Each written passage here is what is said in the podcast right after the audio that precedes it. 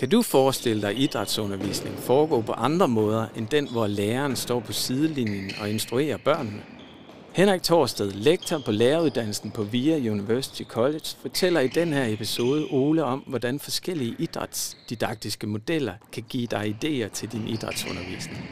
Henrik, du har så skrevet et øh, kapitel til en ny idrætsdidaktisk grundbog til læreruddannelsen, øh, som handler om forskellige undervisningsformer i idrætsundervisningen. Kan du øh, sådan kort fortælle, hvad det handler om? Kapitlet handler om undervisningsgennemførelse, og jeg vil gerne øh, tale om den del, som handler om undervisningsformen. Mm. Og øh, der er sådan typisk fire forskellige undervisningsformer, som mm. vi øh, arbejder med i idrætsfaget. Mm. Og det er, øh, det er dem, som jeg prøver at, at tale om, og hvordan de adskiller sig fra hinanden. Og hvorfor er det så vigtigt? Jamen det er vigtigt, fordi at der er en tradition for, at man i idrætsfaget underviser på nogle bestemte måder. Øhm, måske lidt afhængig af, hvad det er for stofområde, men typisk så vil man være påvirket af den måde, man selv er blevet undervist på, eller den måde, som man har oplevet det i sin klub og forening, eller den måde, som man har oplevet undervisning på, den bliver ligesom kopieret og, og anvendt igen og igen. Og der er måske også tendens til, at det bliver ikke så, så reflekteret over, den, over de der forskellige undervisningsformer. Og så er det også fordi, at, at vi i, i sådan en del af læreruddannelsen gerne vil have de studerende til at blive bevidste om, at, at det ikke alene er indholdet, vi kan træffe nogle beslutninger om, når vi skal planlægge, men at der også er et spørgsmål om, hvad det er, vi gerne vil opnå, og hvordan vi gerne vil opnå det. Mm. Så den der, det der samspil mellem hvorfor og hvad og hvordan.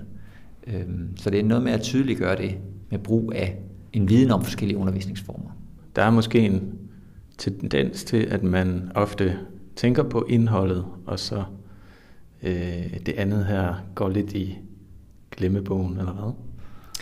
Ja, det er, det er der helt sikkert. Altså internationalt ved vi, at at der har været sådan en tradition for, at man har haft meget fokus på de tekniske mm. færdigheder inden for, når vi har undervist i idræt. Og i, sådan, i en dansk kontekst, der er idrætsundervisningen ofte blevet kritiseret for, at der især er fokus på, hvad eleverne skal lave, frem for mm. hvad de skal lære. Og den del, det, når vi taler om, hvad eleverne skal lære, så øh, handler det i lige så høj grad om, hvordan vi arbejder med et eller andet stof. Øh, men selvfølgelig også omkring, hvad det er, vi gerne vil undervise i. Mm. Men der er, øh, det handler om en, at få en bevidsthed om, at den måde, som vi vælger at undervise på, også skal have en indflydelse på elevernes udbytte. Mm. Og du taler så om fire forskellige undervisningsformer. Hvis vi lige skal lave en, et, et kort overview, hvad, hvad taler vi så om for undervisningsformer her? Jamen, vi taler om direct instruction som den ene, peer teaching som den anden, cooperative learning som den tredje, og guided discovery som den fjerde. Og de placerer sig på sådan et bredt spektrum af noget, der på den ene side er meget lærerstyret, det er direct instruction, eller direkte undervisning, kunne vi også kalde det, og i den anden ende, som er guided discovery, der hvor eleverne har meget medbestemmelse. Man snakker også nogle gange om forskellige øh, undervisningsprincipper om det her med at være arbejde deduktivt eller induktivt. Og der vil man, kunne man også sige, at den deduktive er, så er vi over i omkring direct instruction, og den induktive, der er vi over i, i den anden ende af det her spektrum mm. øh, ved guided discovery. Så det er det der brede spektrum, det er sådan ligesom et kontinuum mellem noget meget lærerstyret og noget meget overvejende elevstyret. Okay, så, så lad os øh, starte ude i øh, den ene ende af det der continuum, som du taler om, øh, med øh, direct instruction. Hvordan vil du først og fremmest lige oversætte det til dansk? Ja, altså begreberne er jo hentet fra noget international litteratur, så derfor er det også dem, vi har valgt at fastholde her. Men jeg vil oversætte det til sådan direkte undervisning, altså hvor læreren er den, der styrer og kontrollerer undervisning, og måske har et ønske om, at der er en helt bestemt viden og nogle helt konkrete færdigheder, som man gerne vil have, at eleverne de skal opnå, eller have nogle erfaringer med, eller tilegne sig på en eller anden måde. Og de skal have, måske have flest mulige forsøg, som læreren har mulighed for at supervisere og give feedback på. Det kunne være også noget sikkerhedsmæssigt eller et eller andet i forbindelse med modtagning i redskabsgymnastik. Jeg tænker, her er det vigtigt, at eleverne de placerer, lærer at placere deres hænder rigtigt. I idrætsundervisning vil det jo typisk være nogle færdigheder, som man ligesom viser og forklarer, giver nogle keywords omkring, eller nogle fokuspunkter, og så får eleverne mulighed for at afprøve og øve sig i nogle specifikke færdigheder, og så kan læreren gå rundt og give noget feedback til den enkelte elev, mm. eller til alle elever fælles. Og typisk vil det være sådan, at, at det er også læreren, der styrer progressionen og hvor hurtigt man kan gå frem, men, men der kan man godt måske lade sig påvirke af, at der er nogle elever, som er hurtigere end andre, så derfor kan der også sagtens i den her form åbne mulighed for, at man kan sådan lave en eller anden grad af differentiering i forhold til, hvor hurtigt at eleverne kan rykke videre mm. i arbejde med en specifik øvelse. Og det vil stadigvæk være høre ind under den her direct instruction, mm. som så er den her, hvis man skal oversætte det, sådan direkte undervisning, hvor læreren deduktivt instruerer og forviser for eleverne. Og så øh, den næste form, som du kalder for peer teaching. Øh, kan du prøve at, at uddybe, hvad, hvad det handler om? Ja, så peer teaching øh, adskiller sig fra direct instruction ved, at jeg gerne vil have eleverne til at undervise hinanden. Og der indgår også et element af direct instruction, fordi at jeg jo forud for, at eleverne skal blive i stand til at undervise hinanden, så skal de have en instruktion i, hvad det er vigtigt at fokusere på. Så der ligger en, et element af direct instruction først, og så vil jeg, hvor jeg for eksempel instruerer halvdelen af eleverne i en klasse, og så efterfølgende så øh, skal de så en, undervise hinanden i det. Det kunne også være nogle, nogle fokuspunkter, som jeg giver eleverne, som de skal kigge efter hos hinanden. Og det, som også kendetegner så den her peer teaching form, det er så, at læreren, når han ligesom har fået formidlet og sat opgaven i gang, og eleverne underviser hinanden eller giver hinanden feedback, så er lærerens opgave i høj grad at henvende sig til den, der underviser eller giver feedback, mm. mere end til den, der er udøveren, den der mm. laver mm. færdigheden. Fordi så, så overtager man jo ligesom observatørens rolle, så det er mere at hjælpe observatøren at se, hvad er det, du kigger efter her, og hvad får du øje på, og kan du se, om armen er strakt. Og det er jo en, en mulighed for, at man kan sige, at, at når jeg skal undervise, når jeg skal bruge den viden eller den, de færdigheder, som jeg har, og formidle den til andre, så er det ud fra en antagelse om, at det også har en, en stor grad af betydning for, hvordan, hvad jeg lærer, mm. frem for at jeg bare får det fortalt, hvad jeg skal gøre, mm. men at jeg faktisk skal formidle det til en anden. Så har vi den tredje undervisningsform, der hedder cooperative learning. Hvordan, først og fremmest, hvordan vil du lige oversætte det til dansk? Jamen, det er jo sådan en, ja, kooperativ. Det er jo en samarbejdende undervisningsform, hvor man ligesom sætter eleverne i sammen i grupper, og så det vigtige er, når de arbejder i den gruppe, så skal de alle sammen have noget at byde ind med, og de skal opleve, at de bliver lyttet til, og de har indflydelse på det, som de nu skal finde frem til.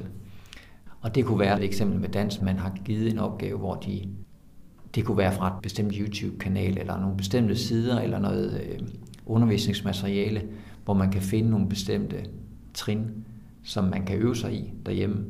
Og det kan være sådan fra meget simple trin, eller fra lidt, lidt vanskeligere, som man så kan vælge ud og tage, bringe med ind i den her gruppe, til den her gruppe, og så kan man i gruppen skal forsøge at sætte tingene sammen. Og det kan så udvikle sig til en dans. Mm. Og så kan man så rammesætte mere og mere sådan hen ad vejen. Men det kunne være et eksempel på sådan en cooperative learning, hvor eleverne jo får en højere grad af medbestemmelse, ved at de selv skal vælge noget ud. De bringer det ind i en gruppe, og de vil opleve et ejerskab på en anden måde, end hvis det er mig som underviser, der gennem direct instruction har lært dem en, en mm. dans. Mm. Og øh, når man arbejder med det her, så er det selvfølgelig også vigtigt, at de reflekterer over deres gruppeproces. Mm. Så det, er en, ligesom, det ligger også indbygget i det her cooperative learning, at, mm. at eleverne de ikke alene får en faglig indsigt, altså ved at arbejde med et eller andet fagligt stof, men de bliver også bevidste om den indflydelse og hvordan de arbejder sammen, og hvilken rolle de hver især kan have. Og så den sidste, som har benævnelsen Guided Discovery. Prøv også at lige starte med den danske oversættelse her. Ja, altså det er jo sådan en, en undersøgende tilgang, og den er så guidet, kan man sige, ved at man som lærer har en, en indflydelse og skal prøve at sætte nogle rammer op for eleverne. Så det er der i den der guidning, den består. Og det er jo så, fordi vi gerne vil have eleverne til at reflektere, vi vil gerne vil have dem til at opleve medbestemmelse, opleve måske en højere grad af mening, fordi at de selv er med til at have indflydelse på, på det, som foregår. I højere grad i hvert fald, end når det er direct instruction. Så jeg vil gerne have eleverne til at selv at finde på måder at gøre tingene på, være kreative og eksperimentere sig frem til nogle bestemte løsninger, eller diskutere det med hinanden. Så det er en måde at, at arbejde med undervisning på, hvor jeg jo er mere usikker på, hvad det fører til. Hmm. Så, altså, så i modsætning til direct instruction, hvor jeg sådan er meget styrende og sikker på, at der bliver arbejdet med nogle bestemte begreber og nogle bestemte færdigheder, så er jeg her mere usikker på, hmm. hvad det her det kan føre til.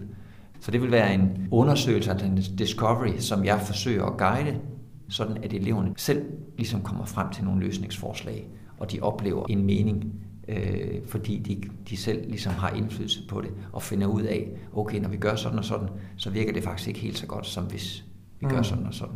Så hvis vi så skal samle op på de øh, fire undervisningsformer, hvordan ser du, det kan foregå øh, i sådan en konkret øh, undervisningspraksis? Det vigtige er for det første, at man som studerende og lærer bliver opmærksom på, hvad er det egentlig for en form, jeg bruger, fordi at man ofte vender tilbage til at gøre tingene på en bestemt måde, uden at tænke over, hvad det egentlig er, man gør. Så det der med bevidsthed om, refleksionen over, hvad undervisningsformen har af betydning for de muligheder, eleverne har, og lære, og hvad formålet med det, som det hele, jeg arbejder med, at den har faktisk en ret stor indflydelse. Så den bevidsthed om, at når jeg gør sådan her, så kan det bidrage til sådan og sådan. Mm. Men hvis jeg gerne vil have nogle andre refleksioner eller samarbejdsformer, eller også vil have eleverne til at have indflydelse og have medbestemmelse og være indgå i diskussioner og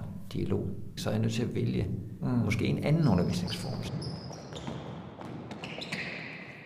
Direct instruction er jo sådan blevet lidt udskilt, fordi at det er noget af det, som man måske ofte ser i klubber og foreninger og sådan noget. Og der har også været en, måske en lidt stor tradition for, at mm. det er den måde, i hvert fald internationalt, som mange øh, undervisere ligesom har brugt som deres undervisningsform. Og der kan man sige, at det der med at hele taget at blive bevidst om, at der er andre, og blive bevidst om, hvad man selv gør, og den indflydelse, det har på det udbytte, som eleverne de har, der ligger et stort potentiale, synes jeg. Det er klart, at vi også skal prøve at tænke i, at, at de her former, de flyder jo lidt sammen. Der er overlap imellem det, og jeg kan sagtens bruge forskellige former i den samme undervisningslektion. Men det er også vigtigt at være bevidst om, at formen i sig selv har en stor indflydelse på det udbytte, som eleverne har. Og at man både skal overveje, hvorfor vi arbejder med noget, og hvordan, hvad det er, vi arbejder med, og hvordan vi ligesom hmm. skal arbejde med det. Tak til Henrik, som er vores kollega i forskningsprogrammet Krop, Idræt og Bevægelse. Remove er ikke kun en podcast, men en formidlingskanal for vores særlige forskningsperspektiv. Her fokuserer vi på sanselige og oplevelsesmæssige sider ved bevægelse og bevægelsespædagogik. I episodens noter finder du referencer til artikler og til hjemmesiden re-move.dk.